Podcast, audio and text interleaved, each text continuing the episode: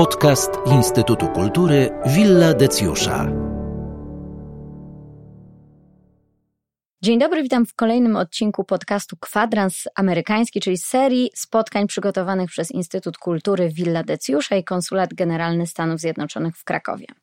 Pierwszy odcinek y, to była rozmowa z Johnem Lynchem, Amerykaninem y, prowadzącym biznesy, przedsiębiorcą będącym w Polsce od ponad 30 lat. John opowiadał nam, że czuje się w połowie Amerykaninem, w połowie Polakiem, wychowuje swoje dzieci ucząc je języka angielskiego, a jego żona Polka mówi do nich tylko w języku polskim. Stąd mają tę dwujęzyczność już od samego początku. Dzisiaj moim gościem jest dr Małgorzata Majewska, Instytut Dziennikarstwa, Mediów i Komunikacji Społecznej Uniwersytetu Jagiellońskiego. Cześć Małgosiu. Cześć, dzień dobry. Jesteś językoznawczynią, więc ta pętla jest jasna. Mam takie pytanie, czy poprzez język można budować tożsamość przy jego pomocy?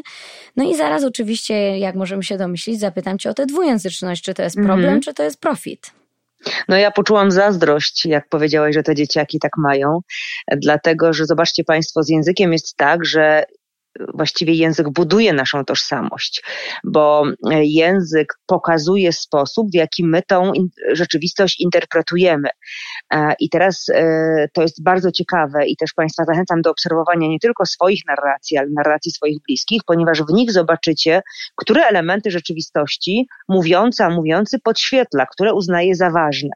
Ale to nie jest tak, że my sobie zupełnie dowolnie możemy to podświetlać, tylko trochę kategorie języka nam podświetlają to, co jest dla nas, po, podpowiadają nam ścieżki, jakimi możemy ten świat interpretować. I teraz, jeżeli my jesteśmy wychowani w jednym języku, to znaczy ten język native speakera, czyli rodzimego użytkownika języka jest jeden, i nawet jeżeli Państwo później nabyliście kolejne języki, to dalej z językoznawczego punktu widzenia jednak kategorie tego głównego, rodzimego języka są najważniejsze. Natomiast jeżeli takie dzieciaki jak dzieciaki Johna dostają równolegle e, dwie narracje e, i są po prostu dwujęzyczne i dwa różne obszary w ich mózgu od języka się podświetlają, to one dostają właściwie dwie propozycje interpretacji świata. Nam się wydaje, że jest jedna, znaczy nam jednojęzycznym, natomiast dzieciaki w rodzinach dwujęzycznych, albo jeszcze gdyby John z żoną wyjechali, nie wiem, załóżmy do Albanii, i tam się wychowywały ich dzieci, dostaliby jeszcze trzecią perspektywę, bo te dzieciaki by w grupie rówieśniczej posługiwały się trzecim językiem, no to tych perspektyw byłoby więcej. I teraz ja tylko podam przykład, e, żeby Państwa uwagę nakierować. Język polski uwielbia konstrukcje nieosobowe nam się zdarza, się rozbija, się źle zaparkowało. W języku angielskim, e, a szczególnie w tej amerykańskiej wersji języka angielskiego, takie konstrukcje nie istnieją. To znaczy, owszem, istnieje konstrukcja it happens, ale zobaczcie, że tam jest it. Mimo, że to it jest nieokreślone, nie, niedookreślone, co to it jest, to to it jest. Natomiast u nas się rozlało samo. I teraz zobaczcie drobny przykład. On zmienia zobrazowanie świata, dlatego że dziecko wychowane w języku polskim ma zgodę na to, że coś się samo dzieje. Dziecko, które wychowane jest w kulturze choćby języka angielskiego, potrzebuje językowo wypełnić chociaż tym it. I to zupełnie zmienia interpretację świata. Czy to nie jest jakiś stan rozdwojenia jaźni? Nie, dlatego że to są po prostu jakby inne filtry narracyjne. To jest trochę tak, jak jedziesz na wakacje i możesz sobie ubrać okulary słoneczne e, z, nie wiem, niebieską szybką, z pomarańczową albo korekcyjne. Prawda? I teraz to nie jest tak, że jak masz okulary z pomarańczową szybką, to jesteś w innym stanie jaźni niż jak masz okulary z korekcyjne, tylko po prostu inne elementy rzeczywistości są podświetlone i i inne rzeczy cię uruchamiają, prawda? Jak masz okulary słoneczne, świat się na przykład wydaje przyjaźniejszy, fajniejszy nie? niż w. Więc ja bym nie powiedziała, że to jest, bo, bo jak mówisz o rozdwojeniu jaźni, no to wchodzimy głęboko w psychologię. A tymczasem język odzwierciedla sposób percepcji, czyli widzenia świata. I teraz, e, wiecie Państwo, problem cały polega na tym, że jeżeli ktoś ma jakąś świadomość językową, a ja od lat biję się, żebyście, no, żeby jakby ludzie wokół mnie mieli, to on wie, że język go tylko ogranicza, tak? I teraz jeżeli ja, nie wiem, odnoszę jakiś sukces i mówię do mojej bliskiej osoby, mówię, wiesz, udało mi się, to ja sama słyszę, że robię konstrukcję zewnątrzsterowną i oddalam to. I mówię, wiesz co, nie udało mi się, ciężko na to zapracowałam. Natomiast większość ludzi, którzy ma niską świadomość społeczną, bo ta edukacja językowa w szkole e, po prostu ogranicza się do rozbioru zdań gramatycznego i nie uczy nas tej świadomości, nie widzą tego, jak język e, na przykład odbiera mi sprawczość. A jeżeli ktoś używa konstrukcji, e, zdarzyło się, e, zaparkowało się, to język go tak prowadzi, że on nie stanie się osobą sprawczą tak po prostu. Stanie się, jeżeli pokażemy mu, jak wygląda jego język i zacznie na to zwracać uwagę, czyli wejdzie na taki poziom metajęzykowy, a później może z tymi konstrukcjami coś będzie robił. Język angielski wydaje mi się w takim razie bardziej proaktywny. E, podczas pierwszego spotkania, pierwszego mm, odcinka podcastu e, wspomniałam, że bardzo lubię to w Ameryce, że nie mam bariery językowej, która jest widoczna w języku polskim, to znaczy w języku polskim moim rodzimym y, to jasne, że muszę zwracać się pan, pani, już nie mówiąc o stopniach i tytułach, jak jesteśmy w mhm. pewnych środowiskach. Język angielski jest tego wyzbyty i ja bardzo to lubię, bo nie widzę tych barier. Nie mam bojaźni, że popełnię błąd już na samym początku tego zdania, które zaczynam. Ale wiesz, to nie jest tak do końca, że y, przez to, że język angielski, w języku angielskim mówimy przez you, e, to my mamy mniejszy dystans niż w języku polskim, e, tylko jakby ta potrzeba e, regulacji dystansu społecznego w różnych językach jest różnie realizowana. Bo zwróć uwagę, w języku polskim masz bardzo wiele formuł zwiększających bądź zmniejszających dystans, bo nie tylko formuły pan, pani, ale nawet same konstrukcje niektórych imion, bo twoje imię jest w miarę neutralne, ale moje już jest, zobacz, Gosia, Gośka, Małgorzata, Gocha i każde z tych form już zmienia dystans, prawda? No bo Gosia jesteś bliżej mnie od Małgorzaty, który jest bardzo formalny. W związku z tym ten język polski bardzo zaznacza formalność, ale równocześnie bezlitośnie kultura polska pozwala ci na przykład komentować czyjś wygląd, komentować czyjeś zdrowie, czyjąś fizjologię i tak dalej. W kulturze języka angielskiego, owszem, te konstrukcje są you, ale zwróć uwagę, how are you? I'm fine. I tyle. I nie ma o tym, że miałam grypę, że miałam ten. Tam jest bardzo grzeszne powiedzenie I'm fine, czyli moje życie prywatne to moja sprawa. To jest postawienie pewnej granicy. Postawienie granicy. I teraz zwróć uwagę, jak jesteś e, w jakimkolwiek anglojęzycznym kraju, no niedopuszczalna jest sytuacja, żeby ktoś cię zapytał, czy masz chłopaka, albo na przykład na co ostatnio chorowałaś. W języku polskim e, w ogóle jest normalną sytuacją. No, Bezproblemowo. No, w covid może nie, no ale jeszcze zanim się COVID zaczął, że w przestrzeni publicznej ktoś obcy zupełnie potrafił podejść do mnie, jak miałam katar i po polecić mi, co mam na ten katar zrobić. Przecież Katar jest moją prywatną sprawą, prawda? Więc chodzi mi o to, ja się bardzo długo zajmowałam zagadnieniem prywatności e, w, w, języku, ale też w kulturze, w mediach. Napisałam o tym książkę nawet i jak się temu przyglądałam, to zobaczyłam, że w polskiej kulturze my nie mamy litości. Wiesz, obca osoba podejdzie, powie, ale schudłaś, ale przytyłaś. No przecież twoja waga Jasne, czy moja dajemy jest sobie prywatnią. bezczelne rady dotyczące wychowywania dzieci na przykład. Tak, tak. Spróbuj wejść z małym dzieckiem przez park i każdy będzie fachowcem. Prawda? To na przykład to koszmarne polskie radzenie. No niewyobrażalne w kulturze, no to jest po prostu niegrzeczne w kulturze na przykład brytyjskiej. No nie wyobrażam sobie w ogóle. W związku z tym to, co w naszej kulturze przejął język, regulując i budując jakby formalność, ale nie zmienia to faktu, że możesz wejść do urzędniczki i powiedzieć, dzień dobry, jak się pani, nie wiem, chciałabym prosić o podbicie pisma, o widzę, że pani grypę miała. Tak w ogóle to, w ogóle nas to nie rusza, prawda? Natomiast, przepraszam, natomiast w kulturze angielskiej, brytyjskiej to jest w ogóle niedopuszczalne. Nasz dzisiejszy odcinek podcastu i cały cykl kwadrans amerykański realizowany jest wokół wystawy Polscy Amerykanie, Amerykańscy Polacy, która do końca października jest dostępna na plantach krakowskich. I teraz ym, wszystkie obrazy, sylwetki, które są tam pokazane Polaków, którzy wyjechali do Stanów i realizowały, realizowali swoje badania, osiągnęli cele naukowe, sportowe. Część z nich faktycznie już y, urodziła się w Stanach Zjednoczonych, ale miała polskie korzenie. Dlatego chciałam wrócić do mm, kwestii dwujęzyczności i zapytać mhm. Cię jeszcze, bo wierzę, że tam mogą być też ukryte negatywne elementy. Czy takie osoby nie miewają czasem jakiegoś problemu z dostosowaniem się właśnie do kultury języka danego kraju? Kraju, bo zaczynają im się mylić te reguły i nie myślę tylko o gramatycznych. Wiesz co, ja to bardzo dobrze obserwuję, dlatego że moja mama mieszka w Stanach Zjednoczonych już, ja wiem, z 30 lat, jak nie więcej. E, I w związku z tym ja tam też często bywam, ale mam dostęp, powiedziałabym, do środowisk, do których bym nie miała dostępu, gdyby nie to, że e, no, mama tam już jakoś, bym powiedziała, zasymilowała. I jeżeli bym powiedziała, jakie niebezpieczeństwa są, to najmocniejsze, które widzę, jest takie. Język sprzedaje ci pewną wizję świata. I teraz wyobraź sobie, moja mama w jakimś tam momencie życia wyjeżdża do Stanów Zjednoczonych, nabywa języka angielskiego, używa go w pracy, w relacjach z, z bliskimi, ale konceptualizacja została jej jeszcze polska. Tak? I teraz tu nie chodzi mi o to, że ona ma problem, jak zbudować zdanie. Nie, no to jest kwestia doświadczenia.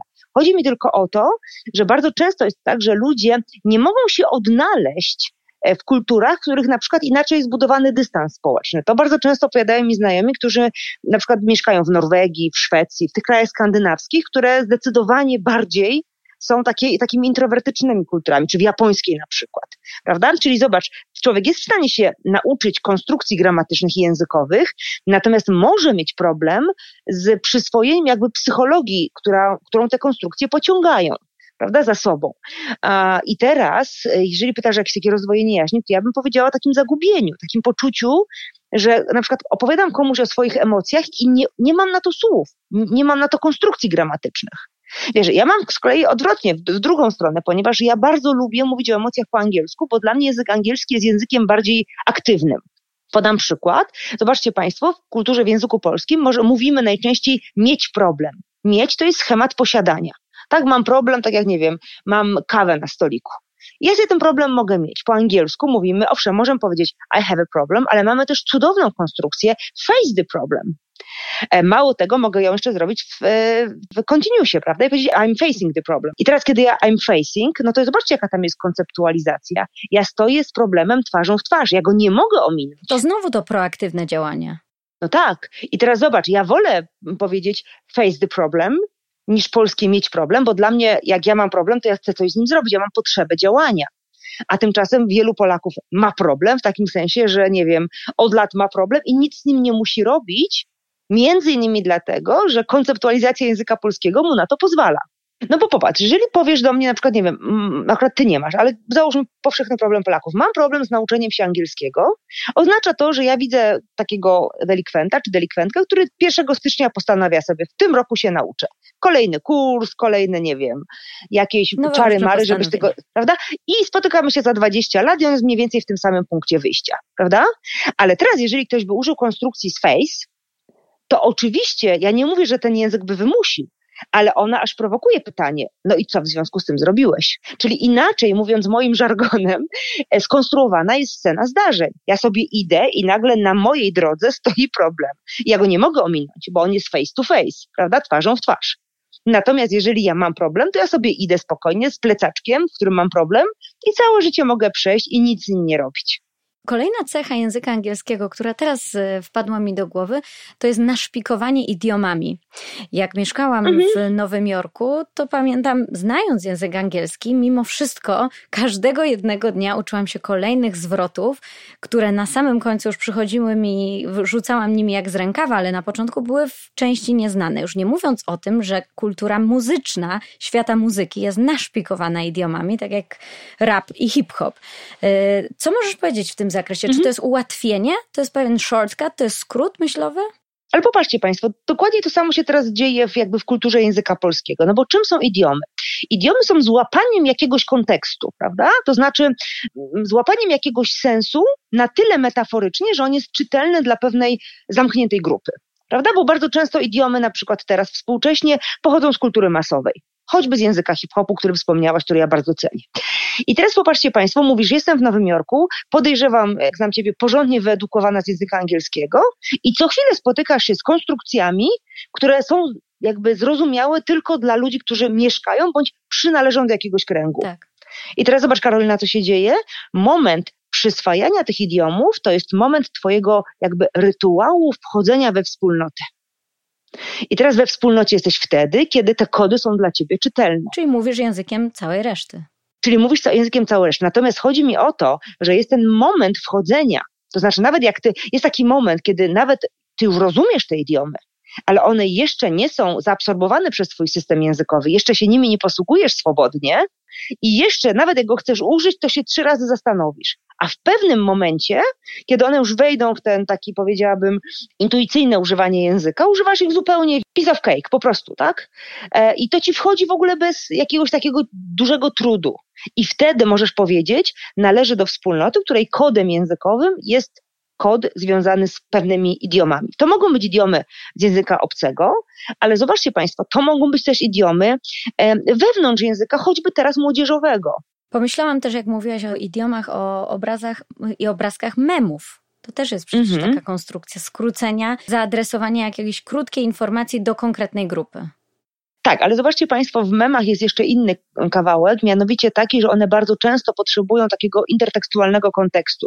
Trzeba oglądać dokładnie ten film, trzeba dokładnie rozumieć pewien typ dowcipu i tak dalej, i tak dalej. I znowu memy są elementem wtajemniczenia. Prawda? I to jest znowu to, co się teraz dzieje. I teraz zobaczcie Państwo, dlaczego tak się dzieje, bo można by zadać sobie pytanie, po co? Po co w ogóle ktoś może zapytać, po co komplikować? A ja bym powiedziała, my to robimy naturalnie, jeżeli chcemy zaznaczyć granice naszej wspólnoty. Jeżeli chcemy zaznaczyć, że jesteśmy albo to się ładnie in group, out group, albo jesteśmy w jakiejś grupie, albo jesteśmy poza grupą. Czyli to też nasza tożsamość. Tak, jeżeli jesteśmy w grupie, no mój ulubiony przykład, bo ja jestem psychofanką gry o tron. Jeżeli jesteśmy w grupie tych, którzy są psychofanami gry o tron, to wystarczy, że my powiemy Drakaris i od razu, bez tłumaczenia kontekstu, wiemy o co chodzi. Natomiast jeżeli jeszcze porównujemy języki, to ja nie mogę jako osoba wychowana w Krakowie y, i w stolicy drobnień, bo Małopolska zdecydowanie góruje w używaniu zdrobnień. Niestety niestety zauważyć, że polszczyzna uwielbia zdrobnienia od zdrobnień, od zdrobnień, natomiast w języku angielskim, zwróćcie Państwo uwagę, tych zdrobnień właściwie nie ma. To znaczy są takie pojedyncze, typu nie wiem, no mały kotek to jest kitty, czy mały piesek to jest papi, natomiast nie mamy tych wszystkich naszych serniczków, herbatek, pierożków i tak dalej, i tak dalej. To o co nam chodzi tym Polakom ze zdrobnieniami? Czy jeszcze tutaj Galicji? Wiesz co, no zdrobnienia to jest sam o cały osobny temat, dlatego że zdrobnienia pierwotnie, taka główna funkcja jest taka, żeby uczynić coś małe, czyli niegroźne, prawda? Czyli zwróć uwagę, jak, po, jak ci powiem, biegł na mnie bardzo szybko piesek, to on jest mniej groźny niż jak ci powiem, że biegł pies, tak? Jeżeli ktoś ma chłop, kropot z ilością przyjmowanego alkoholu i powie ci, nie wiem, wychlałem flachę versus wypiłem winko, to to winko się wydaje być niewinniejsze, nie? I teraz jakby my Polacy bardzo lubimy sobie tymi zdrobnieniami troszkę tą rzeczywistość, tu bym powiedziała takim neologizmem z języka, ja bym powiedziała zaprawić, znaczy ja bardzo lubię ten neologizm, chociaż on nie jest mojego systemu, czyli tak podkolorować, żeby to winko, rozumiesz, nie było sygnałem poważnego problemu. Tak prawda? I teraz my tych zdrobnień używamy bardzo dużo po to, żeby tą rzeczywistość jakby zmiękczyć. No inaczej są pieniążki niż pieniądze, prawda? I teraz zobaczcie Państwo, my produkujemy tych zdrobnień właściwie na potęgę. Są takie osoby, dla których zdrobnienie jest w ogóle takim hasłem rozpoznawczym. Angielszczyzna w ogóle nie ma zdrobnień funkcji innej niż powiedzenia coś małego. Prawda? Nie mamy raczej zdrobnień funkcji ironicznej. I teraz jak pytasz, y, na pewno jest tak, że w języku angielskim tą funkcję, którą mają nasze zdrobnienia, przyjmują inne konstrukcje gramatyczne, no bo potrzebujemy to jakoś wyrazić. Przy czym to jest dłuższy temat, trzeba by się zastanowić nad różnymi funkcjami zdrobień i popatrzeć na odpowiedniki, bo może tak być, że będą miały odpowiedniki w różnych innych konstrukcjach gramatycznych, natomiast na pewno one są. No, moim konikiem ostatnio jest ironia, mm, prawda? I teraz no, użycie formuł ironicznych od razu, zobacz, buduje wspólnotę. No bo jak ja ci powiem, e, że nie wiem, no ministrem ważnego urzędu w państwie został profesorek, yes. już bez nazwisk, e, to ty wiesz, że ja nie traktuję go jako profesora, czyli osoby, która ma uruchamiać skojarzenie z nauką.